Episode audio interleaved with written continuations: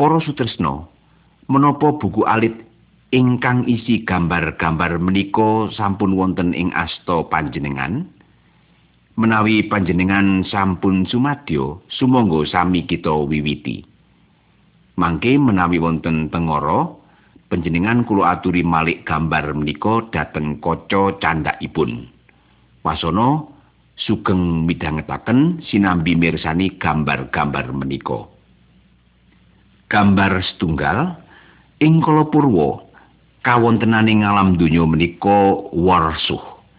Saderengipun wonten manungsa, satu kewan, seganten, tanem tuwuh, surya tuwin sanes-sanesipun, kawontenaning alam donya menika peteng saha campur baur. Kados dini kacetha ing gambar menika. Nalika semanten ingkang wonten namung Allah piyambak. Ing gambar-gambar menika Allah kasanipakaken kados dene cahya sumunar ing sisih pojok tengen perangan nginggil. Gambar kalih. Buku menika kasebat kitab suci. Inggih lumantar saking kitab suci menika Allah kepareng paring pangandika dumateng manungsa. Kitab suci mratelaken bab Gusti Allah sarta ngemot menggah dawuh-dawuh pangandikanipun. Kitab suci mratelaken menggah agenging sih rahmatipun pangeran dumateng manungsa ingkang sampun dumawah ing dosa sarta mratelaken kados pundi caranipun supados manungsa dosa wau saged pikantuk kawilujengan.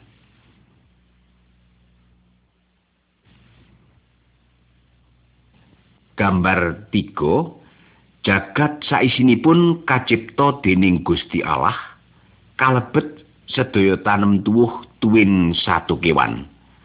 Allah ngersakaken supados sedayanipun wau sageda gesang kanthi rukun sarta tentrem saengga sedayanipun ketingal resep ing paningal Allah paring pangwaos dumateng manungsa kangge ngereh samukawis ingkang sampun katitahaken dening pangeran wau.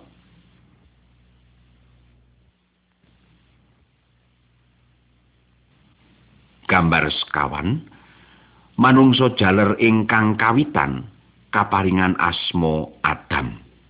Dene ingkang wanudya kaparingan tenger Kawa.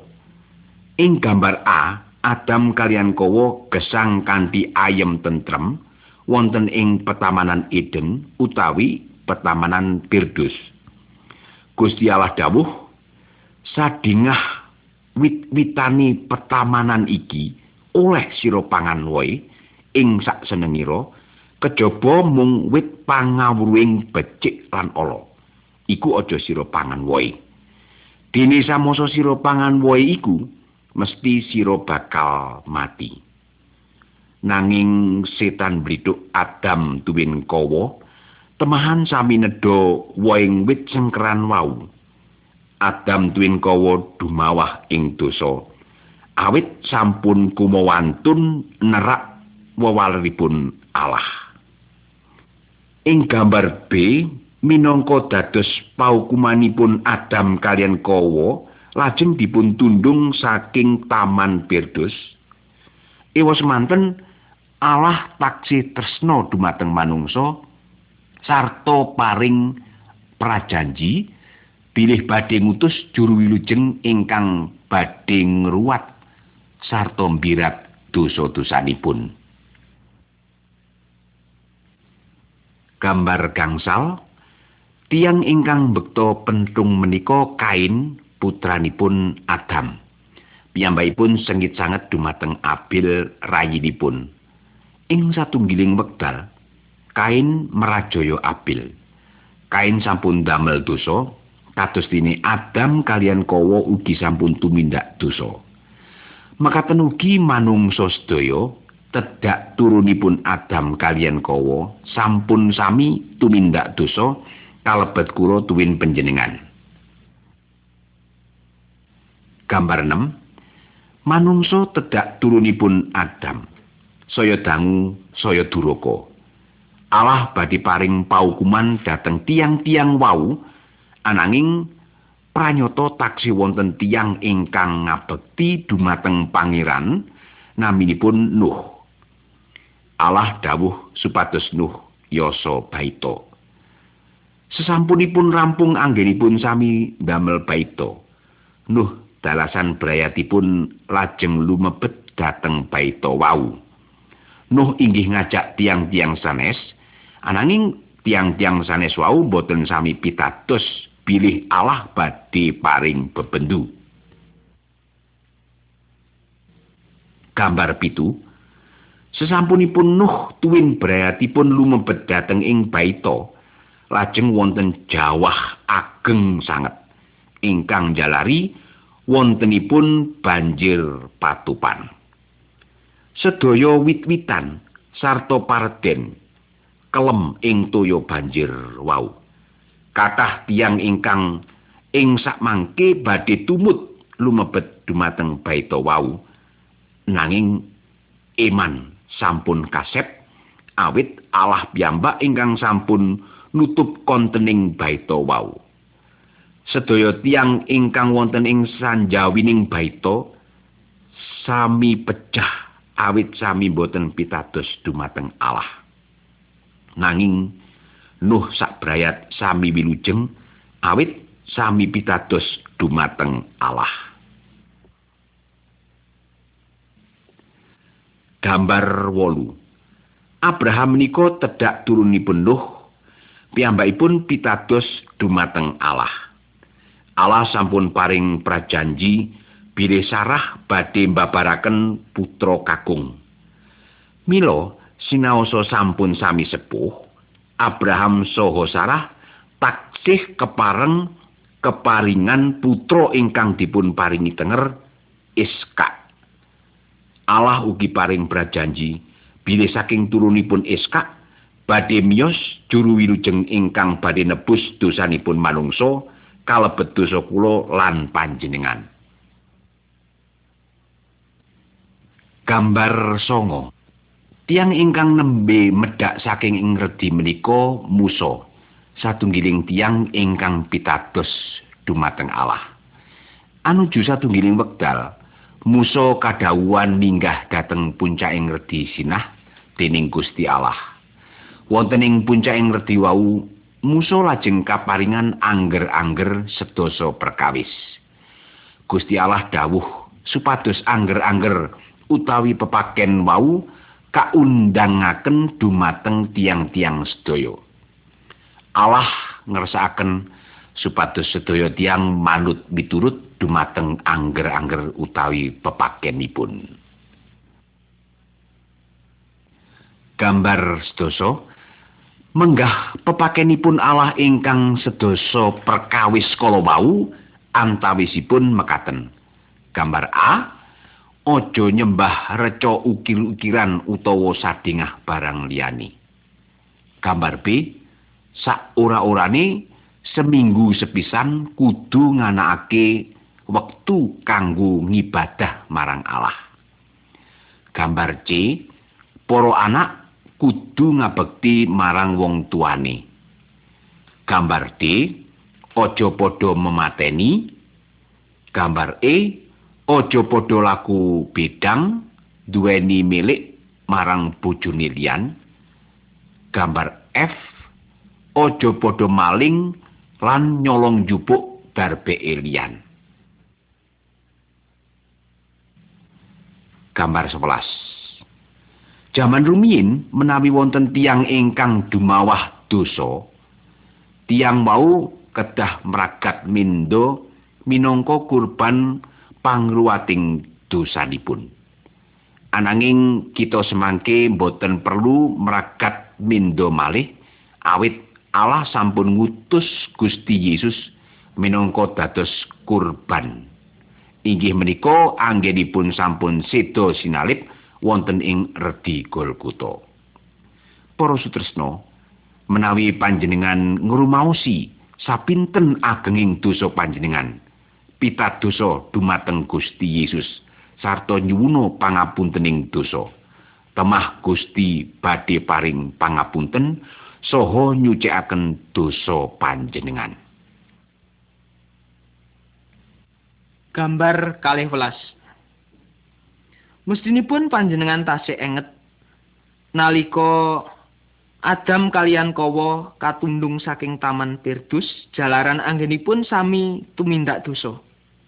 Rikala semanten Allah sampun prastyo badhe ngutus sang juru wilujeng ingkang badhe ngruwat dosaning jagat. Anuju satunggiling dinten pangeran keparang ngutus malaikatipun supados manggi pawestri ingkang namanipun Maryam. Pangandikanipun malaikat wau. Bagio kuwe kang kinasian. Pangeran nganti kuwe kang binerkan ana ing antarane para wadon. Roh suci bakal nedhaki kuwe. Lasira bakal nggarbini lan babar putra kakung. Iku jenengno Yesus. Lah inggih Yesus menika ingkang kakersakaken dening Allah. Minangka dados juru wilujenging jagat. Ingkang saged ngluwari dosanipun manungsa. Kajawi menika, malaikat wau ugi paring pitedah dumateng Yusuf, pacanganipun Maryam ing salebeting pangimpen. Gambar 13. Sasampunipun sangang bulan ing satunggiling dalu Maryam babar putra kakung.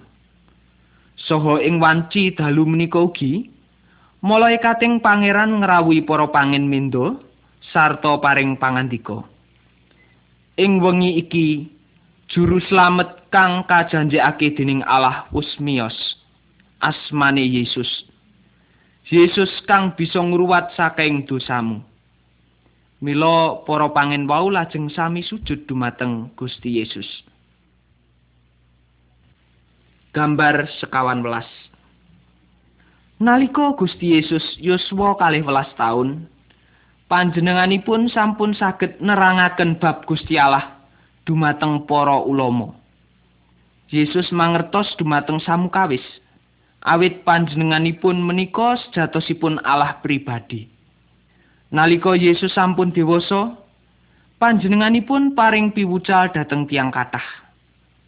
Wonten tiang-tiang ingkang pitados dumateng Gusti Yesus, nanging ugi wonten tiang ingkang boten pitados. Gusti Allah ngendika bilih Gusti Yesus menika Allah sarta Allah Sang Rama ngersakaken supados kita sami manut miturut dumateng Gusti Yesus. Gambar kang salwelas Gusti Yesus kagungan pangwaos langkung saking pangwaos sing setan lan dukun. Panjenenganipun saged nyarasaken tiang ingkang wuta saged lumampah wonten ing sang nginggiling seganten. Malah ugi saged ngesangaken tiang ingkang sampun pecah gambar 16 Gusti Yesus tansah nindakaken kesaenan sarta mboten kagungan dosa. Gusti Yesus nedahaken dosa-dosanipun manungsa. Ananging kathah tiang ingkang boten purun ngakeni dosanipun malah tiang-tiang kala wau lajeng sami nepsu saha nyepeng Gusti Yesus. Gusti Yesus dipun siksa, dipun idoni, dipun wirang-wirangaken. Ananging Gusti Yesus kendel kemawon. Kenging menapa? Awit Gusti Yesus maringaken sariranipun dipun aniaya sarta dipun siksa minangka kangge ngrembat dosanipun manungsa. Gambar pitulas. Gusti Yesus mboten namung kasangsarakaken tok. Nanging malah lajeng dipun sedani srana dipun paku wonten ing kajeng salib. Krana mekaten Allah Sang Rama mratelakaken bilih sedanipun Gusti Yesus sejatosipun minangka dados korbaning dosa-dosa kita. Gusti Yesus nglampahi paukuman karana saking dosa panjenengan lan kula menawi kita sami purun ngakeni dosa-dosa kita sarta pitados dumateng Gusti Yesus dosa-dosa kita badhe kaapunten Menapa panjenengan pitados dumateng Gusti Yesus? Gambar 18. Sasampunipun sedo, Gusti Yesus kasarekaken wonten ing pasarean ingkang awujud kados dene guwa. Lajeng katutup mawi sela ingkang ageng. Sasampunipun tigang dinten, Maryam kalian mitra-mitranipun nuweni dhateng kuburan wau. Nanging Gusti Yesus mboten wonten. Ingkang wonten ing ngriku malaikat. Malaikat wau lajeng paring pangandika. Yesus wis wungu maneh. Yesus wis gesang maneh. Dumugi samangke Gusti Yesus tasik gesang. Mila menawi panjenengan pitados dumateng Gusti Yesus, panjenenganipun mirsa dumateng gesang panjenengan saha mirengaken pandonga panjenengan. Gambar 19. Sak sampunipun Gusti Yesus wungu saking situ. Kathah tiang ingkang sumerep saha mireng dawuh pangandikanipun. Nanging salah satunggiling muridipun Gusti Yesus ingkang nama Thomas wicanten mekaten. Hm. Sadurunge aku ndeleng lan demek tatu kang ana ing asta sukulan lambunge, aku ora bakal percaya. Gusti Yesus lajeng ngrawuhi Thomas sarta nedahaken tatu-tatunipun. Teman Thomas lajeng pitados menawi Gusti sampun bungu saking sido. Ananging Gusti Yesus ngendika, Rahayu wong kang kumandel ora nganggo ndeleng. Gambar kalih dosa.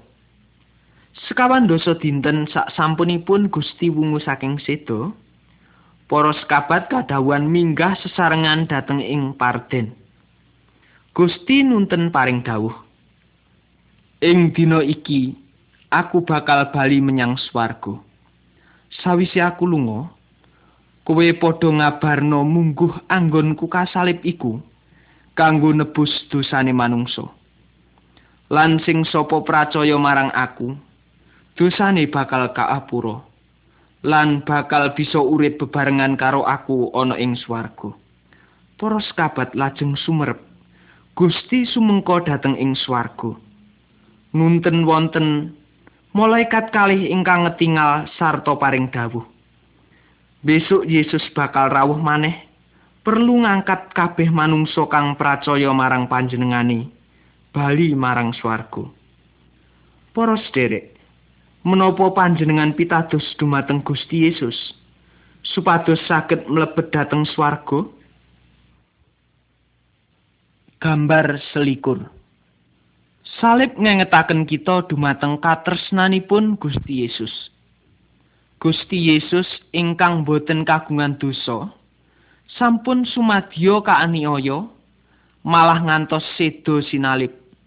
Supados krana mekaten panjenenganipun saged nanggel saha nebus paukumaning dosa. Inggih dosa kula lan panjenengan. Sasampunipun sedo, Gusti Yesus sampun gesang malih. sarta kepareng badhe paring pitulungan dumateng sok sintena ingkang pitados dhateng panjenenganipun. Menawi kita ngakeni dosa-dosa kita sarta pitados dumateng Gusti Yesus. Dosa kita badhe kaapunten. Temah kita badhe gesang sesarengan kalian Gusti ing swarga. Gambar kalih likur. Gusti Yesus ngendika, bilih namung wonten kalih margi.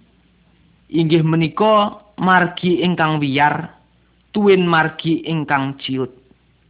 Wiwit lair mila, sedaya tiang sampun dumunung wonten margi ingkang wiyar wau.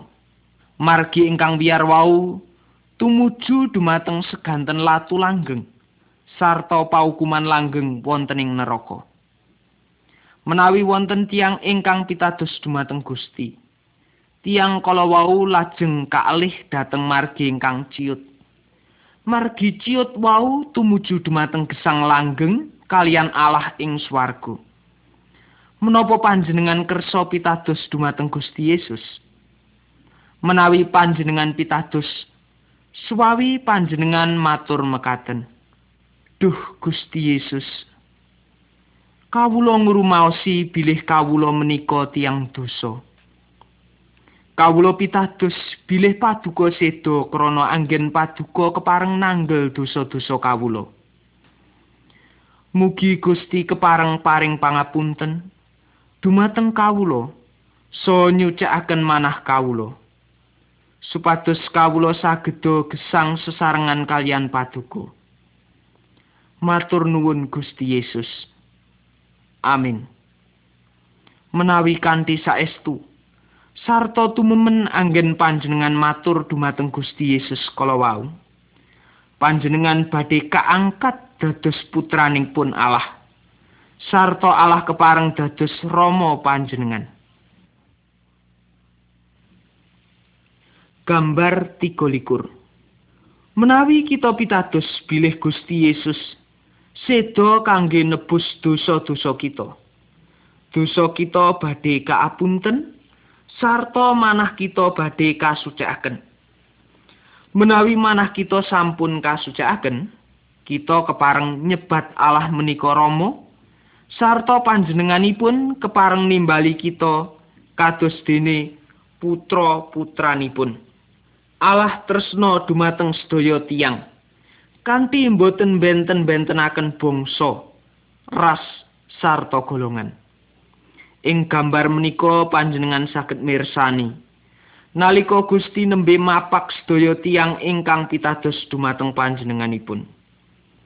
Gusti Allah ngersakaken supados kula kalian panjenengan ugi pitados dumateng Gusti Yesus sarta dados putranipun Allah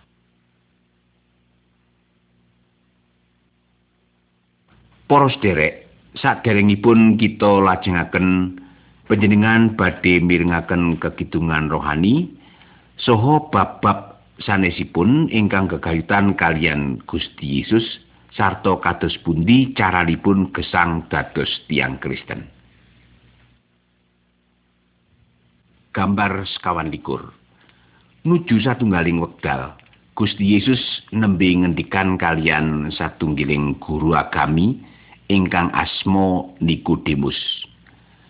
Kala semanten Gusti nerangaken bab marginipun supados manungsa saged dumugi ing swarga inggih menika srana batos ingkang kedah kaenggalaken. Manungsa karana saking ketiyatanipun piyambak boten saged ninggalaken batosipun. Namung Roh Suci ingkang saged ninggalaken batosipun manungsa.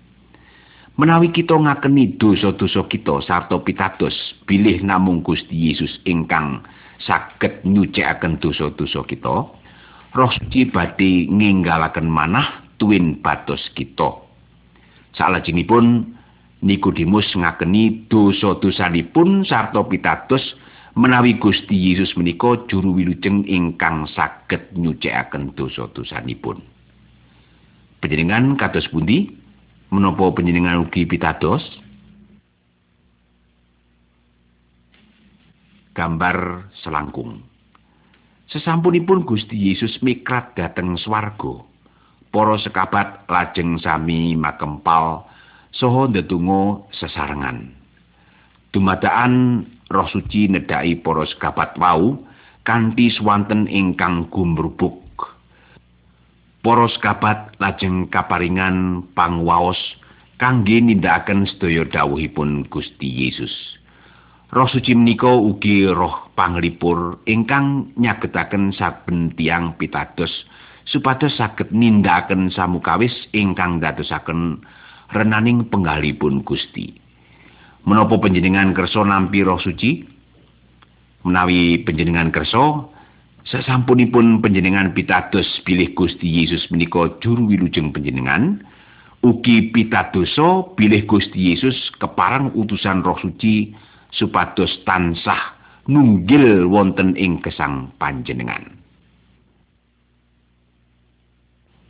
Gambar 16 Saderengipun kita sami pitados dumateng Gusti Yesus, kita kados dene tiyang ingkang lumampah wonten ing peketeng.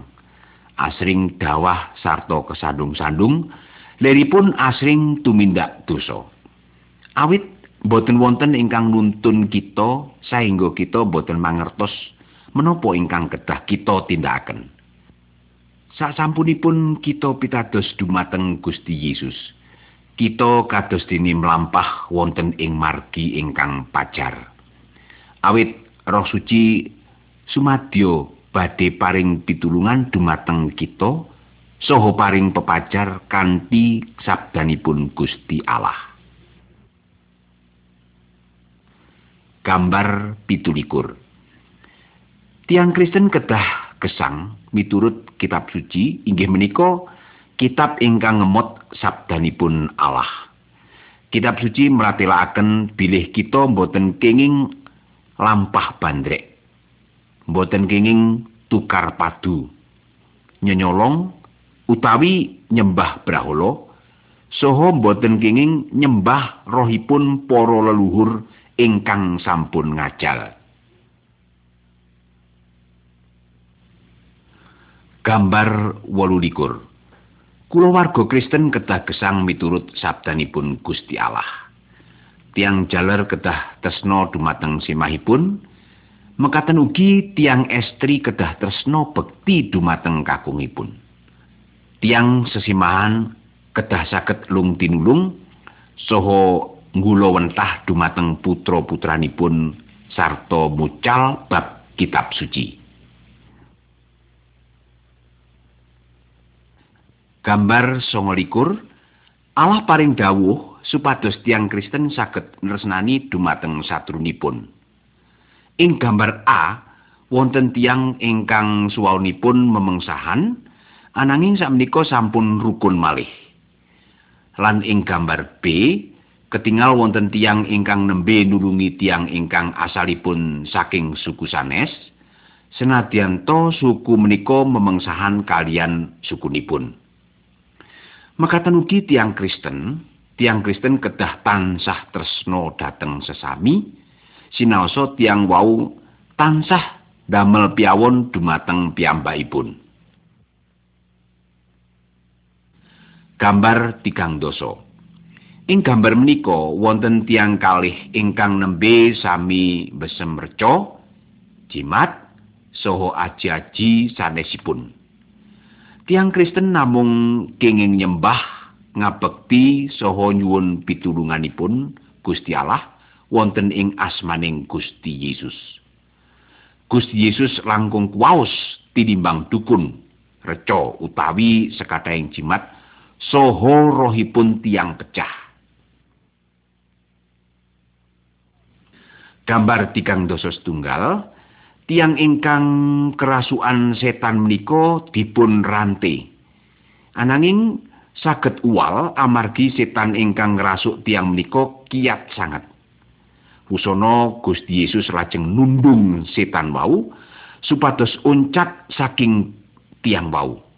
Saengga tiang wau lajeng saged saras malih lan setan kapeksa mlajeng medal saking tiang wau. Awit Gusti Yesus langkung kuwaos tinimbang setan. Pramila para sederek sampun sami nyembah dhateng setan. Menawi panjenengan kaganggu dening setan suawi panjenengan nyuwun tulung dumateng Gusti Allah lumantar Gusti Yesus. Gambar tigang doso kali Gusti Yesus ngersakaken supados tiang Kristen gesang miturut dawuhipun. Nanging wonten tiang ingkang kaginakaken dening setan godho dumateng tiang pitados krana raja brana kadonyan supados tiyang wau boten manut miturut dumateng dawuh sabdanipun Gusti. Ananging tiang-tiang Kristen boten purun nuruti. Boten purun nampi barang-barang wau awit kepingin derek Gusti Yesus sarta manut miturut dumateng sabdanipun. Lajeng kados pundi panjenengan? Gambar tigang dosa tiga. Wonten satunggaling lare ingkang mursa. Piyambakipun sampun royal nelas-nelasaken arta warisan paringipun tiang sepuhipun. Arta wau kangge ngabotoan lampah jino tuwin pesta-pesta sapikajengipun piyambak. Sasampunipun telas artanipun boten wonten sanak kadang ingkang purun sapa aruh malih. Kanca kancanipun sami nebih. Lare wau lajeng keduwung. Wusana piyambakipun wangsul malih dumateng griyanipun tiang sepuhipun saha nyuwun pangapunten. Awit saking katresnanipun dumateng anak, mila tiang sepuh kala wau sumadyo paring pangapunten. Saha lare wau katampi dados anakipun malih. Para sutresna, menawi kita dumawah ing dosa malih, kita kedah keduwung. meratobat sarta ngakeni dosa kita wonten ing ngarsanipun Gusti. Gusti Yesus tresna dumateng kita. Temah badhe angapunten sekateng dosa-dosa kita. Gambar tigang dosa sekawan. Sedaya tiang tamtu saged kemawon nandang sakit. Menawi panjenengan sakit, panjenengan saged nyuwun pitulungan dumateng Gusti Yesus srana pandonga supados Gusti paring pitulungan. Sampun ngantos nedha tulung dumateng dukun utawi rohipun tiang pejah. Gusti Yesus menika langkung kuwaos tinimbang dukun tuwin sanes-sanesipun. Gambar tigang dosa gangsal. Menawi wonten tiang ingkang tilar donya sak sampunipun pitados dumateng Gusti Yesus, badanipun kakubur. Nanging yitmanipun badhe lumebet dhateng ing swarga. Awit dosa-dosanipun sampun kasucikaken dening Gusti. Dene menawi wonten tiang ingkang tilar donya ananging dereng pitados dumateng Gusti Yesus badanipun kakubur ananging yitmanipun badhe kaukum wonten ing latu langgeng awit taksih anggadhahi dosa Lajeng kados pundi menawi panjenengan katimbalan dening Gusti? Menapa dosa panjenengan sampun kaapunten? Gambar tigang dosa enam. Saben peranganing badan kita menika anggadai kewajiban piyambak-piyambak. Kadosta tinggal kangge ningali, tutuk kangge dahar, tuwin ngendikan, talingan kangge mirengaken lan sak piturutipun. Menawi wonten peranganing badan kita ingkang nandang sakit. Sedaya tamtu ngraosaken sakitipun. Gusti Allah paring gegambaran bilih gesangipun tiang pitados menika kados dene peranganing badan.